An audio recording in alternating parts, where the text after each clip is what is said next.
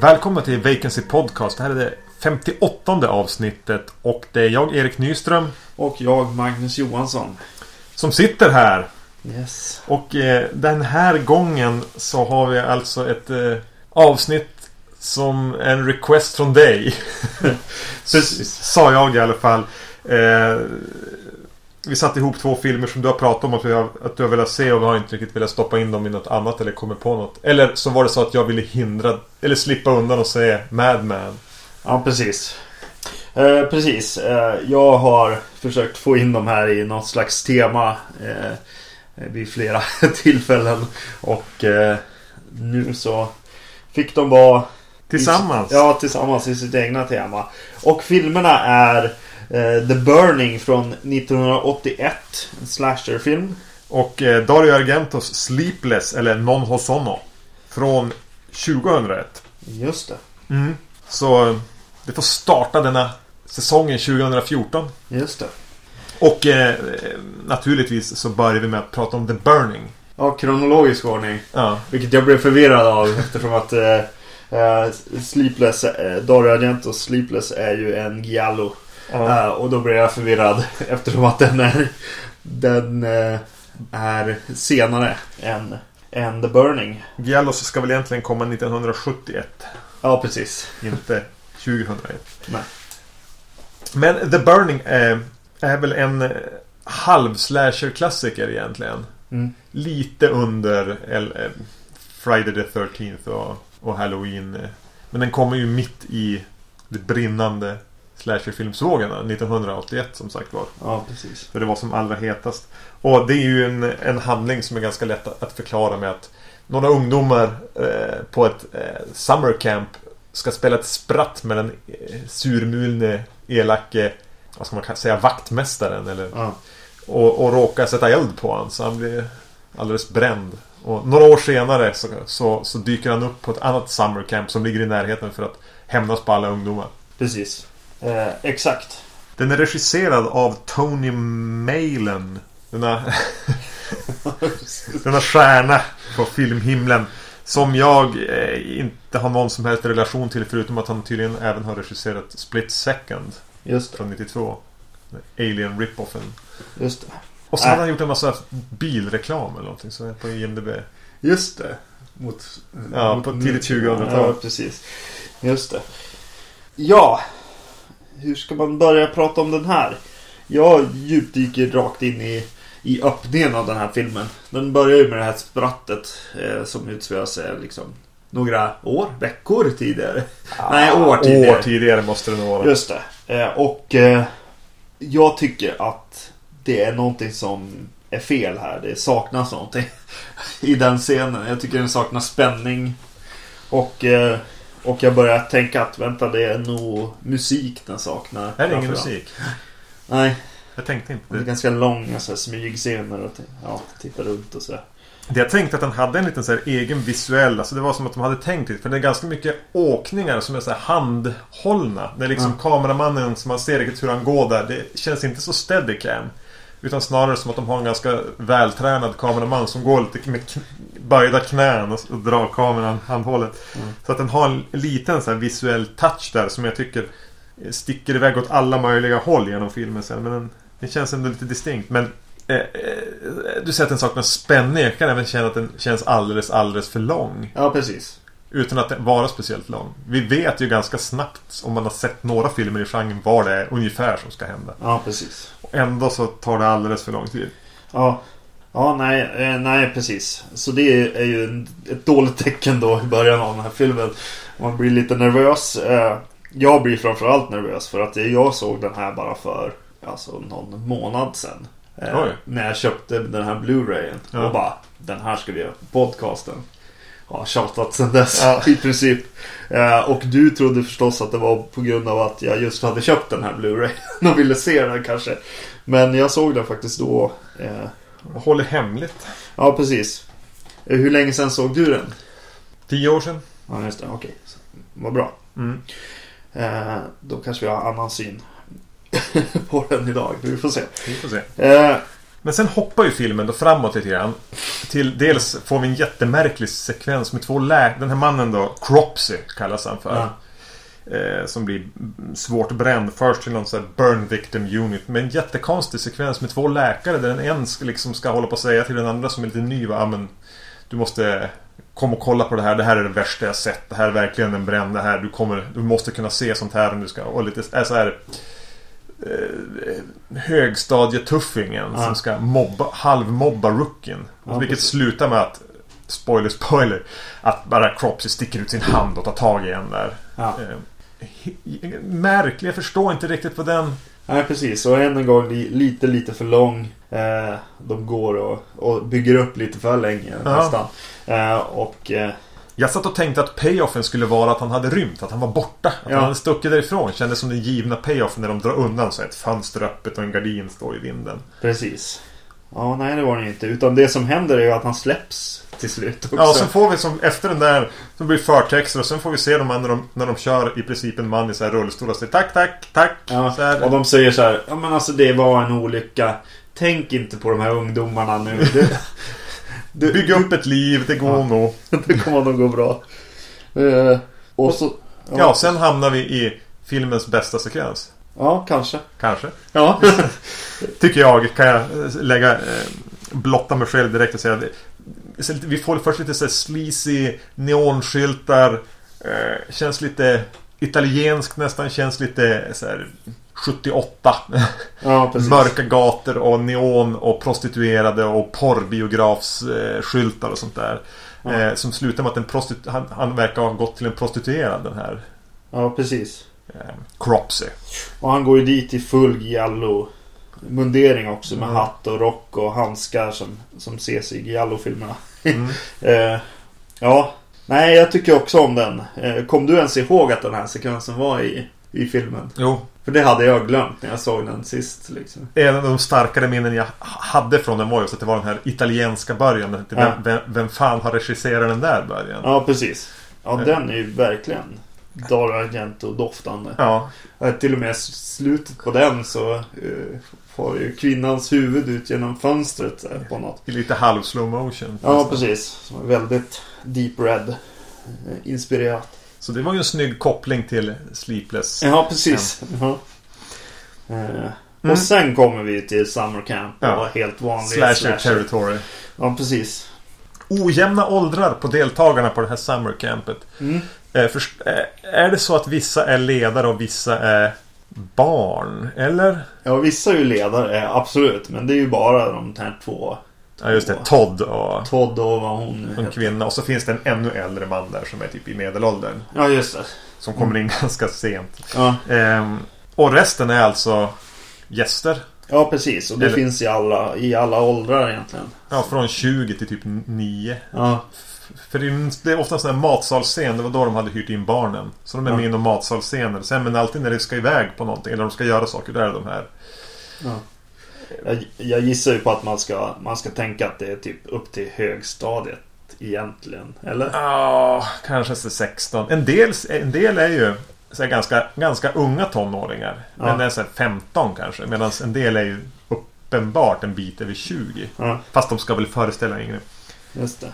Mm. Och det dyker upp en del så här, kändisar slash halvkändisar också.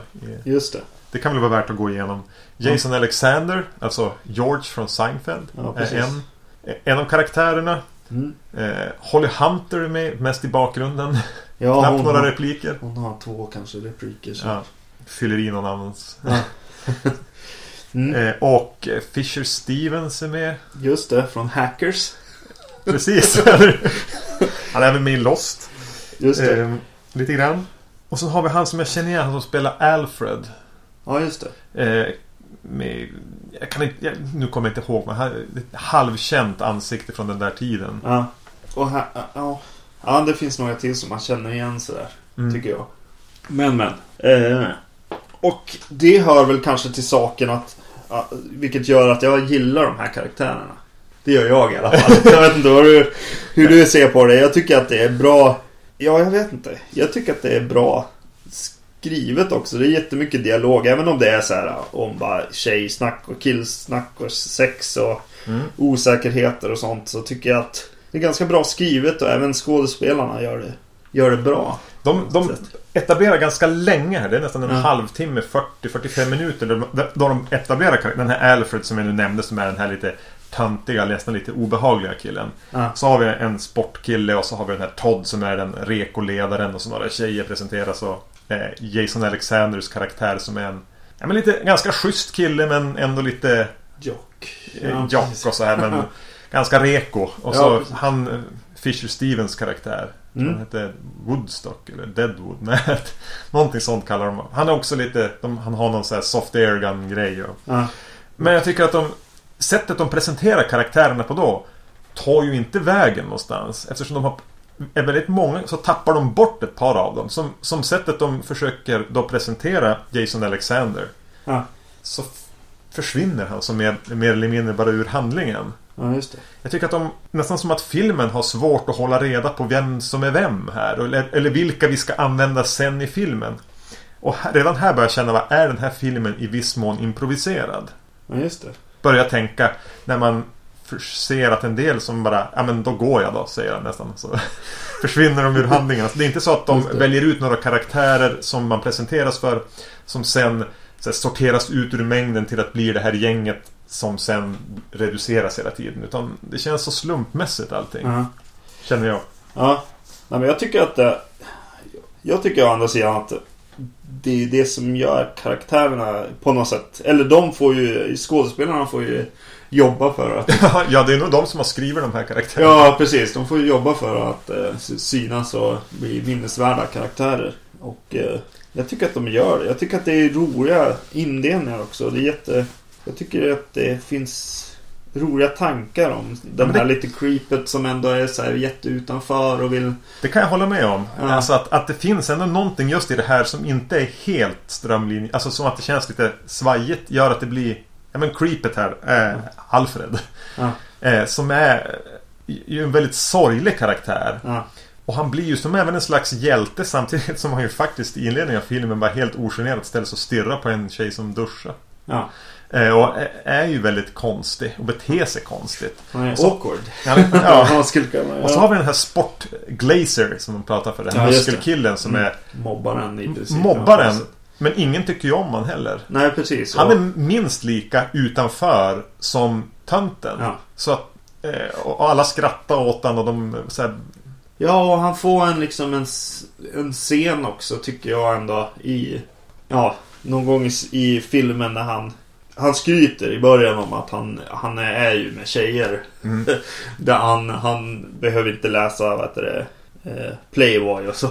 Han har ju andra. riktiga tjejer. Han har ju riktiga tjejer och riktig sex. Mm. Ja, och han hamnar i, i en situation där han har sex med en tjej och det går, går sådär. Mm. Eh, och, eh, men den scenen får ju verkligen honom att säga, ja men vänta, det finns någonting mer här också. Eh, bakom liksom stereotypen som Mm. ändå den trettonde filmerna kanske brukar bara ha rakt av egentligen tills de dör. På något sätt. Jag tycker ändå att många av de här har karaktärs liksom, eller... Och det man kan Ändå. s- se är ju att många av skådisarna här har ju haft karriärer. Ja.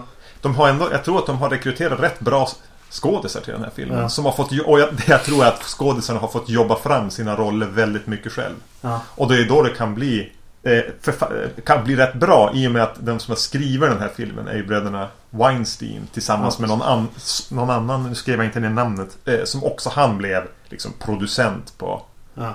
på, på Paramount eller vad det kan vara. Ja. Att det, eh, de har ju bara pitchat idéer vad som behövs i en slasherfilm. Ja. Känns det som. ja, precis. Absolut. Mm. Är... Ja, precis. Men ändå känns det som att de har... Jag vet inte. De har brytt sig om att det här ska bli populärt. Mm. Om inte annat. Ja, men de har ju sett första fredagen den 13 Ja. filmen och så har de bara, ja men vad behöver vi för scener? Och då har de även tagit fasta på att vi måste ha den här lite somriga lägerkänslan. Och den, ja. Ja. men jag håller med, den etablerar de ganska bra. Mm. Och att det får vara lite så här matkrig i matsalen nästan. Och de tjafsar lite grann och det är något spratt hit och Mm. några cheap, eller så här fake scares och sånt. Ja, precis. Någon vattenkrig och sånt, ja. ja. Eh, och sen kommer ju scenen som egentligen är helt sjuk. När de lägerelds eh, spökhistorien. När de Ja, berättar legenden. Ja. Som ju är, alltså du skulle ju kunna klippa ut den ur, ur, ur, ur The Burning och sätta in den i Fredag den 13 del 2. Klippa ut den i Fredag den 13 del 2 och sätta in här. Och man skulle inte riktigt tänka på det. Nej. De är identiska scenerna. Ja, så jag tänkte bara, det här, de har ju bara sett Fredag den 13 del 2 och bara gjort här notes, spelat in det och kört. Ja. Men filmerna kom i princip exakt samtidigt. ja, precis. Eh, fredag den 13 del 2 hade biopremiär veckan innan The Burning. Ja. Så jag vet inte om Weinsteins var liksom var spionerade i Mm. något så här showreel-rum eller? ja, de satt nog och hade panik om inte annat. När de var och såg eh, 13 del 2 på. För det är, en, alltså det är ex, exakt samma uppbild. Och Ja. Båda filmerna berättar om legenden. Det blir samma payoff en som hoppar fram och skräms. Som ser lite likadan Ja. ut och, och Samma kameravinklar och samma ljussättning. Ja. Ja. snyggare hanterad i. Inte lika skit... Alltså den känns lite skitnödig här. Inte lika så här, snyggt gjord som den är i Fredag den 13 del 2. När de liksom... Ja men nu har ni fått det där ur systemet. Ja. Nu kan vi gå vidare. Jason är en myt. Det där lägret ska ni inte gå till. Alltså då, där gör de det väldigt snyggt egentligen. Jämfört med här. Då det som bara är... Nu har vi gjort det där. Sådär. Ja. Alltså lite klumpigare. Mm. Men det är, det är helt sjukt att de är så identiska. Ja. ja, verkligen. Mm. Eh, vi har inte sagt någonting om eh, vem som har gjort specialeffekter. Nej, just det. Det är Tom Savini som Ja. har varit framme här. Och var Ja. väl djävulskt poppis. Ja, det här var väl, Förstås här. Det står till och med att han har, vad heter det, så här, i- iscensatt några så horror scenes. Ja. Någonting, någonting också. Att han har säkert varit med och... Precis, han är krediterad som Horror Sequence Designer. Ja. Eh, vilket ju är lite tydligt på något sätt. För det, för det känns som att ja, men nu kommer det komma en liten skräckscen Mm. på något sätt. Och effekterna i sig är briljanta. Ja. Alltså det...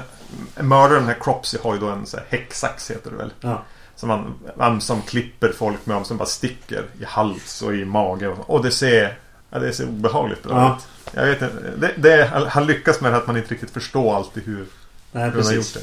Nej, otroligt eh, bra effekter. Vilket ju förstås var en av tickboxarna hos Weinsteins. Mm. Förstås. Ja, vi ska ha...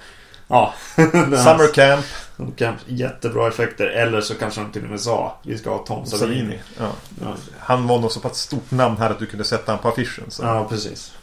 Mm. Och, och filmen då, efter att de här camp, summer camp scenerna åker de iväg med några kanoter och vi hamnar liksom i då det ska bli Ja. morden ska börja ticka in då med, med Ja, jämna intervaller. Och hur hur tycker du den ter sig då när, när morden ska sätta igång? För jag saknar den här rytmen riktigt där. Ja. Återigen, det finns inte Inte riktigt den här känslan för att nu ska det komma ett mord och nu ska det Utan det blir lite det här återigen känslan att det är ganska mycket som är löst när de spelar in. Att det är improviserat i viss mån. Ja. Eh, Att någon, alltså det blir så här gåscener som är väldigt långa och så går folk hit och så ska de gå tillbaks och så blir någon mördad där och så ska de gå, ja. Ja, det finns ju sådana och det finns en massa så här eventuella mordscener som, som, aldrig, som pyser ut i ingenting. Mm. Eh, ja, men det känns ju som att de har behövt fylla ut den här filmen också med, med just gåscener och springa runt scener och så. Eh, Mot slutet blir det nästan komiskt hur, hur mycket de bara springer eller tittar sig omkring eller ropar efter varandra. Mm. Liksom. Ja, det är väl lite synd så här. Men sen så kommer det ju några.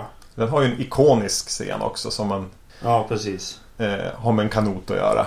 Ja, Som ju är en fantastisk, ganska lite egen slasherfilmscen egentligen. ja, Eh, nu ska vi inte avslöja den i detalj men när man ser filmen förstår man vilken den är. Och den, är den har både några schyssta visuella idéer ja.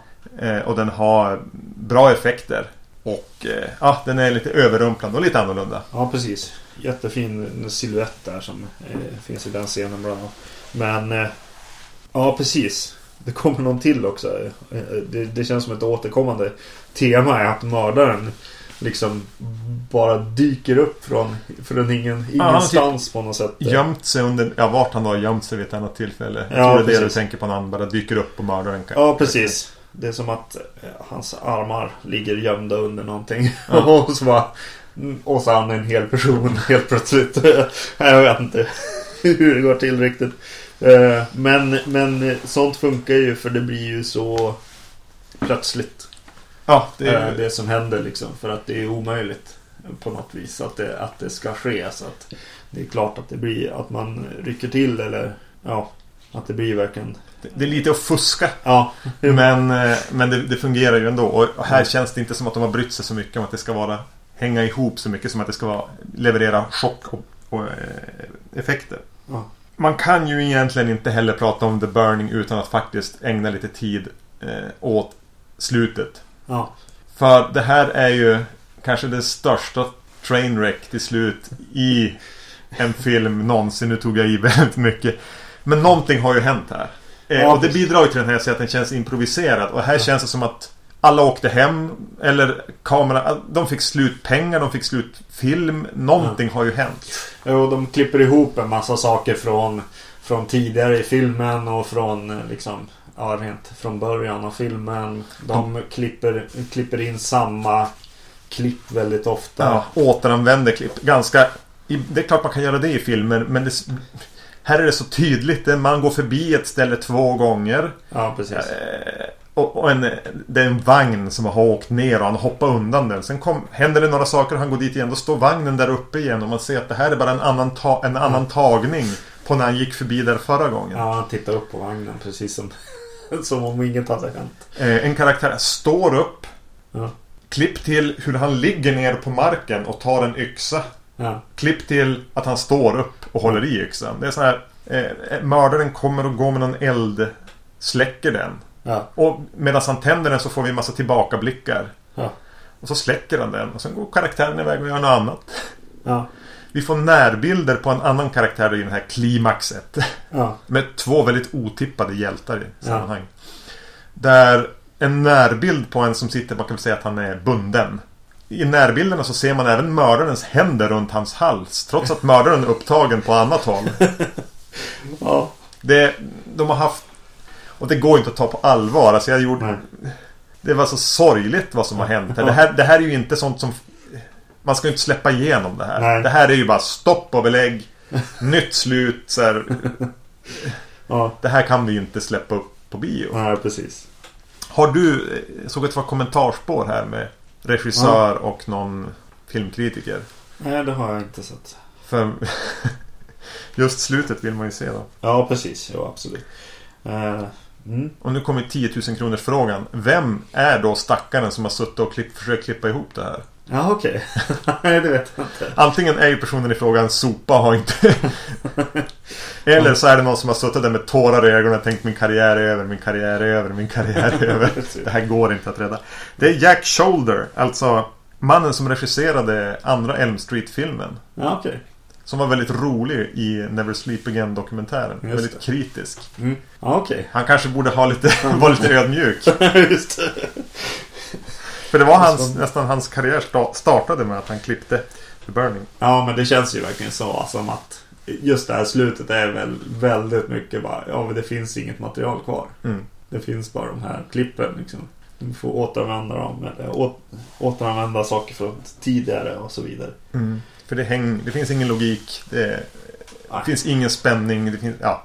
Den är ju egentligen är den ju så, så fel och så bedrövligt att det är värt att se filmen för att se liksom Det här har gått på där. Det här, det här är icke slut. Musiken. Eh, vad säger du om den? Ja, jag tycker att den, är, den får för lite, eller det finns för lite av den framförallt. Precis min kommentar också. Ja, det är jättetyst, en jättetyst film. Ja. Och eh, en del effekter, så här ljud som knakar i skogen eller vad det kan vara. Ja, det är bara det som hörs Mm. liksom. Sen är det bara tystnad. Eh, det är synd. Eh, det finns typ en, en låt som är så här stalker-låten på något Ja, sätt. någon slinga av något slag. som är någon, någon slags hjärtklappande Ja. grej. Nästan lite såhär The Fog. Eller Ja, The, Thing. The thing. Ja, precis. Eh, Men jag känner, för det kommer någon mot slutet också eftertextmusik som är lite sån här härlig mix av 80-tals slasher och lite giallo. Ja, precis. Som är, men det här är ju schysst. Ja, det var bra. eh, Bra slinga, så bra snutt. Ja, precis. Men de har, de har för lite. De Ja. har för lite musik. Ja, de har den när det, när det börjar så här. Ja, det kommer någon helikopter mot slutet Mm. som är så här, Ja, men då känner man bara- avslutning och så bara ja. Det här Så kommer schysst. någon schysst musik ja. Eh, Så, Som, så som, dags nu. ja, precis. Som definitivt får mig att tänka på Giallo-genren. Eh, som sagt, det är Weinstein-bröderna som byggde... Det här var väl en av deras genombrott tror jag. Ja. Eh, och en av producenterna heter Corky Burger. Cookie Burger. Ja, det är bra. Är det ett riktigt namn? Just det. Eh, nåväl, The Burning. Eh, är sekvensen med den prostituerade kvinnan i början den bästa sekvensen i filmen. Ja. Jag tycker om den här mycket mer än vad jag hör att du gör. Ja, Jag, jag tycker om vad det är. Allt häng med, med ungdomarna. Och en del av mordsekvenserna som Tom Savini gör. Ja, jag, jag gillar de här människorna. Så att, eh, nej men jag tycker om den mycket. Väldigt mycket och, och du har nog rätt och det är härligt att den kommer också den här sekvensen i, i början på något mm. sätt. ja det, det är den som är så här standout för mig. ja. Sen är den... Alltså jag tycker väl inte så illa om The Burning. Alltså den... Den, den kunde ha behövt ett manus. Just det. För jag kan hålla med, den har den här ganska sköna sommarhängskänslan med lite karaktärs... Eh, alltså de bygger upp karaktärer och de får vara lite de karaktärer de är. Mm. Sen använder de ju inte den här fina grunden de har lagt om en bakgrundshistoria och karaktärer. Utan sen, sen, sen eh, började pengarna ta slut eller de började bara improvisera. Eller de visste, Tom Savini sprang runt och pekade. Här ska en få en, en häcksax i halsen och där ska, då ska det landa några fingrar där. Just det. Och då kameran bara sprang efter och fångade. Så att de... Jag tycker inte de utnyttjade de har här och slutet är som sagt var bara... Ja, det går, det, jag, jag finner inte ord. Nej. Så jag är lite... Det finns bra saker med The Burning men det är ju ingen... Det är ju ingen slasher-klassiker. Så, alltså, jag satt ju då, man, man kan ju inte låta bli att jämföra med Fredag den 13. Första, Nej. kanske tre, fyra första. Ja. Och då känner man att bara, wow, det, i jämförelse är ju de Orson Welles klass. liksom att där har, de, där har de faktiskt haft en idé i början med karaktär som man, alltså de, där, där, eller de hade ett manus. De har använt manus. Det har de inte använt i The Burning. Nej, just det. Nej. Nej, precis. De här manusförfattarna kollade jag upp och de har ju inte gjort mycket. Eh, I manusväg då. Nej. Bob Weinstein har ju skrivit två, två manus. Varav ett är det här. Hans första. ja, men vad. Ja, nej men alltså som så här enfilms slashers så, eller så. Som Mm. inte tog och blev en, en serie så tycker jag ändå att den är ganska bra. Det Nu- tycker jag. Kan ju kännas som att man kanske skulle ha sett Mad Men ändå. Ja, Som jag bara, jag vill inte se den. Jag minns den som så jävla dålig. Ja, Men den kanske, eller tråkig framförallt. ja. Eh, det kanske var intressant ändå. Men du får väl se den. Och, Ja, och återkoppla. ja. Vi har inte fått någon remake på The Burning heller. Nej, just det. Nej. Det kanske är dags. Eller? Nej, jag vet inte. Nej. Dario Argento Anno 2001 alltså. Precis. Sleepless. Non Hosono. Yes. Och Dario Argento 2000-talet. Mm. Det är inte mycket att hänga i julgranen och inte... Då hade han ett 90-tal bakom sig som väl också är mediokert. Ja, verkligen. Vi kommer väl kanske återvända dit någon gång längre fram i podden. Ja, Men nu gör han i alla fall, det han gör med Non Hosono är att han försöker göra en ganska back to basic Giallo. ja. Och han har ringt in Goblin igen att göra musiken. Eller några, någon i Goblin i alla fall. Jo, men det är Goblin. Det är Goblin. Precis. Åh herregud. Eh, hur ska jag försöka sammanfatta med några få ord handlingen i Sleepless? Ja, precis. För en massa år sedan. Ja, 1983. Tre. Så det blir väl 18 år. Ja, precis. 17. Mm. Så, så är det en liten pojke som ser sin mamma bli mördad. Eh, och eh, en massa, ja precis, 17 år tror jag de Ja. säger i filmen. Eh, år senare så verkar det som att den här mördaren som, som Alla trodde var död också. Har Ja, kommit precis. tillbaka. Mördaren var då känd som The Dwarf Killer. just det, Inte för att han mördade dvärgar utan för att han var mördande dvärg. ja, precis. Och polisen tar in eh, en gammal eh, pensionerad polischef, tror jag. Ja, någonting. Ja, eh, Wallander. Ja, precis. 83. Som skötte det här fallet eh, och eh, han spelas av Max von Sydow. Så tillsammans med den här pojken som då har vuxit upp så försöker de förstå hur mördaren som förmodas vara död kan vara tillbaka. Eller var det så att det inte var? Ja, eller en Dog han aldrig eller är det Nej, en copycat killer? Eller vad är det som pågår? Eller var Max von Sydow på fel spår ja. Ja. Mm. Eh, det är kul att du säger att, att polisen tar in Max von Sydow. Ja, Det är ju snarare så att han, han tränger sig på och saboterar mordutredningarna. just det. Ja. Eh, Jo, precis. Eh, Polisen åker till honom för att säga, försöka få någon information. Ja, så vad, vad minns du från fallet som inte står i journalen? Liksom? Ja, vad kan du, och då skulle, det skulle de ju aldrig ha gjort. Nej, precis. Max von Sydow minns knappt någonting. Men känner att oj, det här måste jag börja gräva i. Ja. Eh, och, och, och gräva i det gör han mest via att gräva i sitt eget minne Han sitter egentligen. och pratar med sin papegoja. Eh, ömsom papegojan, ömsom med den här. Just Pojken som har blivit en man. Just det.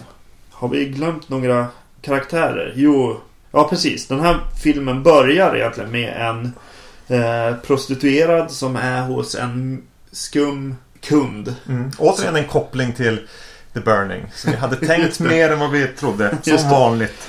Och eh, hon vägrar göra någonting hemskt som han vill hålla på med. Eh, men får sina pengar och eh, tar sig snabbt därifrån. Ska snabbt ta sig därifrån för att den här kunden ligger under täcket och och, Sover. och, ja, sover och säger otrevliga saker. Så hon börjar så här, ja men smyga snabbt ut. Hon välter en, eh, Byrå. ja precis, en, en, eh, ett litet skåp. Och, och massor Kniv. exotiska knivar faller ut. Eh, och eh, eh, hon, och även allt hon har i sin handväska faller ut. Hon plockar ihop allting som hon äger och åker därifrån. Det hon inte vet är att hon har fått med sig mördarens så här, Blue file. Blue Ja. file. Blue file. Blue file. eh, en mapp med, med mördarens urklipp från eh, tidningar och vad heter det, polaroidbilder och så vidare. Allt bevismaterial helt enkelt Ja. som man har i sitt hem. Eh, så hon ska ju då till polisen. Så, och han får ju upp vittringen på henne. Ja, precis. Alltså hela den här scenen med den prostituerade och han börjar jaga och det blir en scen på ett tåg och en, en av hennes kompisar dyker upp eh, och som tar, tar vid eller vad man ska säga. Det blir lite stafett där med den här Blue File. Ja, precis. Ehm, den är så jävla korkad så det är inte sant. den är ju helt onödig. Ja, Eh, och osannolik. Och, och liksom... Man, ja, men den, den, den existerar ju inte i någon verklighet. nej. Mördaren ringer henne och bara "Äh, jag ska, jag ska nog komma efter dig. Vart är du någonstans? Ja, jag sitter i, i en bil. Nej, nej, det låter inte som en bil. Du är på tåg. Jag hör nog att du är på tåg. Och, det, och så går det två men sen är ju han också, utan att tåget har stannat, då var ju han på tåget hela tiden. Ja, precis. Ja. Varför ringde han henne och frågade vart hon var om han redan typ stod Vad taskig, jag vet inte. Och det är, bara, det är bara de två på tåget också, förutom en konduktör. Ja, precis. Eh, jo, precis. Och precis lika dum som de här sekvenserna är. Lika härliga tycker jag att de är också. Alltså man... Eh, så länge karaktärerna bara håller käft, det är min återkommande Mm. så här. Så länge de bara håller, säg ingenting. precis. Då är det, då är det, kan jag hålla med, då är det lite härligt. Ja, Lite visuella idéer och så här. Hon gömmer sig bakom så här. Mellan vagnarna liksom, Ja. så kan det vara lite gummi som tydligen går att gömma sig. Hon här, trycker ut ansiktet och står och kikar. Så här, ganska Ja. häftiga visuella bilder. jag tycker att fotot när mördaren också vaknar i första person och han går i korridoren och vad det, han tittar ner på, på den här urfallna vapnena. Det är bara hur klassiskt Dario Argento som helst. Och, och inte för att prata om eh, Goblins musik till det också. Mm. Jag tycker att där bara, ja men shit, här, är, här händer det. Dario har vaknat. Ja. Och i tåget likadant. Jag tycker att, vet du det, alla scener när hon springer runt, som du säger. när hon har slutat prata och, och är rädd och springer i, springer i tåget. Eh, då är det riktigt bra. Fotot när man åker, åker genom en vagn och hon springer fram och tillbaks i tåget med kameran. Dansar med kameran i princip. Och så vet det, bilderna framförallt utifrån. Mm. Som se, där hon springer i tåget längs med och kameran följer henne liksom. Det, Hennes det privata tåg måste vi säga. Ja, precis. Det är bara hon där. Eh, och så musiken till igen. eh, Goblins musik. Eh, jag tycker att det är bara... Ja, nu ska vi få något, en, en Back- Dario-ride här. Som kanske är, ja, som sagt, dökorkad. Eh, vilket kanske visar sig ännu mer i, i filmen i övrigt. Ja, sen tar ju då eh, en kompis till henne som hon har ringt liksom vid när tåget stannar och han hit, hon, hittar hon kommer inte ut så hon går in och hon lyckas också få tag i den här blå mappen. Ja, precis. Och hon lyckas även tappa bort sin bil på parkeringen. Ja. Hon blir skitförbannad och börjar dunka på Och så står bilen 30 meter bort. Ja, just det. ja, det är sant. Jag förstår inte liksom vad är, ja. Ja, Det är som bara det här Det känns Och återigen så fort de säger någonting så låter allting massa korkat Jag brukar ha mycket större toleransnivå mot den här typen Jag vet inte vad som har hänt med mig Men Mm. liksom Jag blev bara så här, Alltså att bara, äh, men jag kan koppla bort den delen av skallen och bara ha, haka på när det blir att åka av liksom med Ja. musik och foto och, och liksom iscensatt Men jag, jag blev bara Varenda karaktär som sa någonting eller gjorde någonting blev jag lite irriterad på dem Mm. Den här, det sitter en man i en bil också som är någon ja.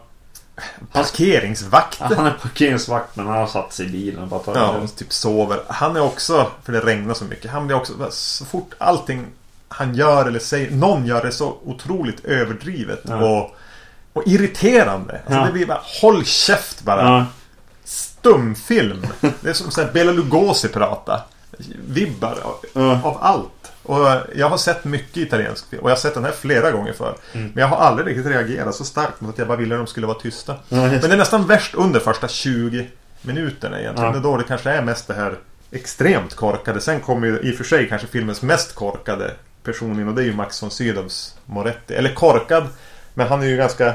Han här, fumlar ju runt och saboterar polisutredningar. Och så här, Ja. Går rakt in på brottsplatser och bara, då kommer någon med noga och plockar upp ett, ett, vad heter det? Ja, men ett bevis. Ja. Med gummihandskar så kommer han bara boing, Rycker du handen på dem. Vad är det här för något? Och gaggig och han tror inte på någon form av teknik. Nu är det bara DNA-teknik och, och, och mobiltelefon. Alltså här. Ja. En riktigt så här gammal surgubbe. Han tycker att man ska följa ledtrådar. Nej. Ja. Jag förstår inte riktigt vad hans eh, Ja, konflikt och det värsta är att jag tror ju att allt han säger om- just det moderna polisarbetet är ju Dario Argentos röst. Alltså det är ju Dario som pratar då. Han bara, nej men det ska vara så här. Som det var förr i tiden på något sätt. Gubbar emellan på något vis. Uh, ja, Sen tar det väl 35 minuter innan nästan hjälten kommer in i handlingen. Det är ju då inte Max von Sydow. Han är väl ja, Batmans Robin i det här fallet. Eh, Giacomo. ja, Och då börjar man ju så tänka på, ja men nu förstår man ju varför de hade David Hemmings i Deep Red. Eller varför, just det. varför man inte tog en typ italiensk träbock. just det. Ja, För han är ju riktigt tråkig ja, och riktigt dålig. ja. Eh, Medan Max von Sydow, den här gaggiga, surdementa gubben, är ju ganska... Men han funkar ganska bra. Ja. Han är tillräckligt rutinerad skådis för att veta vad han ska göra. Ja, precis. Jo, jo så är det. Verkligen. Absolut. Jag, jag, jag känner ju mycket att den här filmen är, ja som du säger, lite för mycket snack och för mycket, lite för mycket funderingar. Det är lite för mycket hitta saker i huvudet på Max von Sydow istället för liksom dolda saker bakom liksom tapeterna i, i hus och sånt där Ja, de jag. har ju det här huset som man tänker ganska mycket på Deep Red. Ja, Som de återvänder till vid ett par tillfällen och är och snokar runt. Men det är ju aldrig så att det är någon... nej, de är bara i en bokhylla. Och, Ja, så bläddrar i böcker några gånger. Till Ja, slut hittar de det de letar efter. Ja, Och som för att påminna en om att ja, men Dario är, är inte så- den han en gång var. Så när de har varit i, i huset en gång och vi ska bara få en scenövergång så startar han en sån här vad man tror ska vara en episk åkning. ja, så här, musiken drar igång eh, ett typiskt Goblin-riff och kameran börjar åka upp. Så här, tänkte, nu ska den över, rund, över fasaden. Nu tänker man jävlar nu ska vi ut och åka över hela rum här. Ja, Nu ska vi genom några tak ner i en skorsten. Så här, och så ska vi, ska vi få vet, se någonting. Eller att en mördare följer efter dem. Eller något sånt Ja. där. Nu blir det något häftigt. Bara, Nej men kameran bara åker upp längs fasaden. Och så klipper det. ja, precis. Till att Max von Sydow och den här Giacomo sitter och, och, och äter middag. Och pratar. Ja, och pratar. Uh, precis. Jo. Ja, nej precis. Jag fick ju samma känsla bara. Ja, nu jävlar. Eh, men eh, Ja, precis. Nu, men det är mer än så här. Ja, minns du Tenebre? Ja. Liksom. och sen man. Ja, okej. För det gör inte jag. Nej, precis. Eller ja, nu, nu, ni vet vad jag menar. Ja. Och så sen bara klipp. Ja, men jag får lite känslan att han har inte, eh, får inte pengarna han behöver längre. nej, nej, det är ju klart. Att jag kunde bara göra en femtedels åkning men jag valde att göra den ändå. Ja, för att, precis. så får ni associera till det jag gjorde bra en gång i tiden. Mm. Jo. jo, precis. Och det gör han ju hela tiden känns det som. Eh, Det kommer till och med in karaktärer från liksom Deep Red. Eh, Den här pappan till kompisen hans. Ja. Är ju David Hemmings försupna Kompis va? kompis ja, i Deep Det Red. stämmer jag. Det minns jag att jag har noterat tidigare. Det är även någon... eh, Det är någon Mm. annan Giallo-drottning med. Ja, precis. Någon, någon äldre. Hon är ju från... Ja, men hon är med Rosella i Falk heter. Mm. Ja, precis. Hon är med i Black Bell, Belly of the Tarantula och The Fifth Chord och Seven Bloodstained Orchids. Bland annat. Nej, så det känns ju som att hela den här filmen är just det här va. Vad minns ni? Minns ni? Men jag, men jag tycker att... Jag tycker att det är kul. Jag tycker att det är kul att ingen ser ut egentligen som om de är från 2000 när den här är inspelad. Ja, det är Lite mobiltelefonerna känns nästan anakronistiska. Det Ja. känns som att, alltså, ungefär som om David Hemming skulle ha tagit upp en mobil i, i Deep Red. Ja, precis. Och vad heter det? Och när det kommer in så här, ja men de här personalen på den här Zoo, den här nattklubben som de är Mm. på. Ja, när de har sina orangea jackor och så blir det mer som en effekt på något vis. ja, ja. precis. Vad ska man prata mer om utan att liksom prata för mycket om den här? Eh, jag minns ju att när den kom den här filmen och jag såg den så tyckte jag som Ja men, nej, men den här är ju schysst. Den här är ju inte så långt ifrån hans bra filmer. Nej. Och jag vet att jag har sett den kanske två, tre gånger till efter det och, och fortsatt tycka den var ganska bra. Ja, Så jag tänkte bara, ja men Sleepless den vet man ju vart man har. Och så nu när jag såg den så satt jag som och blev dels irriterad på Alltså det visuella, det här eh, opera-aspekten av hans filmer lyckades inte konkurrera ut allt det som är så fruktansvärt hjärndött och lite stelt och tråkigt den här gången. Utan Mm. det fanns inte riktigt, för mig, inte tillräckligt mycket potens i det visuella och i det här stiliserade för att den inte skulle bli liksom, men herregud. Och jag får, jag får för lite av, av de eh, scenerna där jag tycker att det liksom blir lite åka av och lite kul i alla fall. Det, alltså, det, det blir ju som en blick in, in i hans förflutna på något vis. Mm. Mycket så här, ja men det är någon, någon fönster de eh, filmar som är så här, bara, ja, men som hämtat från hans tidigare filmer. Men, men, men för mig så blir det mer att så här, åh, ska de sitta där runt ett bord i, som i vänner och, och snacka en gång till liksom. Eller, eh, det är lite så som är lite, lite tråkigt. Det var roligt att du sa opera också. För han som har fotograferat den här och har fotograferat opera också. Eh, hans hans eh, tidigare film. ja, men det, jag, jag tänker att det antingen är det bara det att hans inspiration finns inte riktigt där längre. Eller han, han har, det är lite urvattnat idéerna. Eller så är det pengarna som inte finns där. Att han får inte göra en avancerad åkning när han kan göra en, eller en när han kan göra den enkelt. Men jag minns ju som att, ja, att det skulle komma en ganska häftig åkning längs en matta. Ja, just det. Så jag bara, ja men den, den gillade jag ju. Och så kommer den nu så var det som, ja, men det här är ju det här är nästan lite parodi. Ja. Kom någon och dans. Alltså det blir lite såhär nakna pistolen. Man väntar som att, jag vet inte. Det skulle komma en anka och gå där eller... Ja. Alltså att det skulle, det skulle kunna vara vad som helst som dök upp. En orm kom och ringlade sig. Ja. Ja, jag vet inte. Det kanske är att det är på en bättre dag så hade den funkat. För jag tycker att den slutar bra också. För den slut...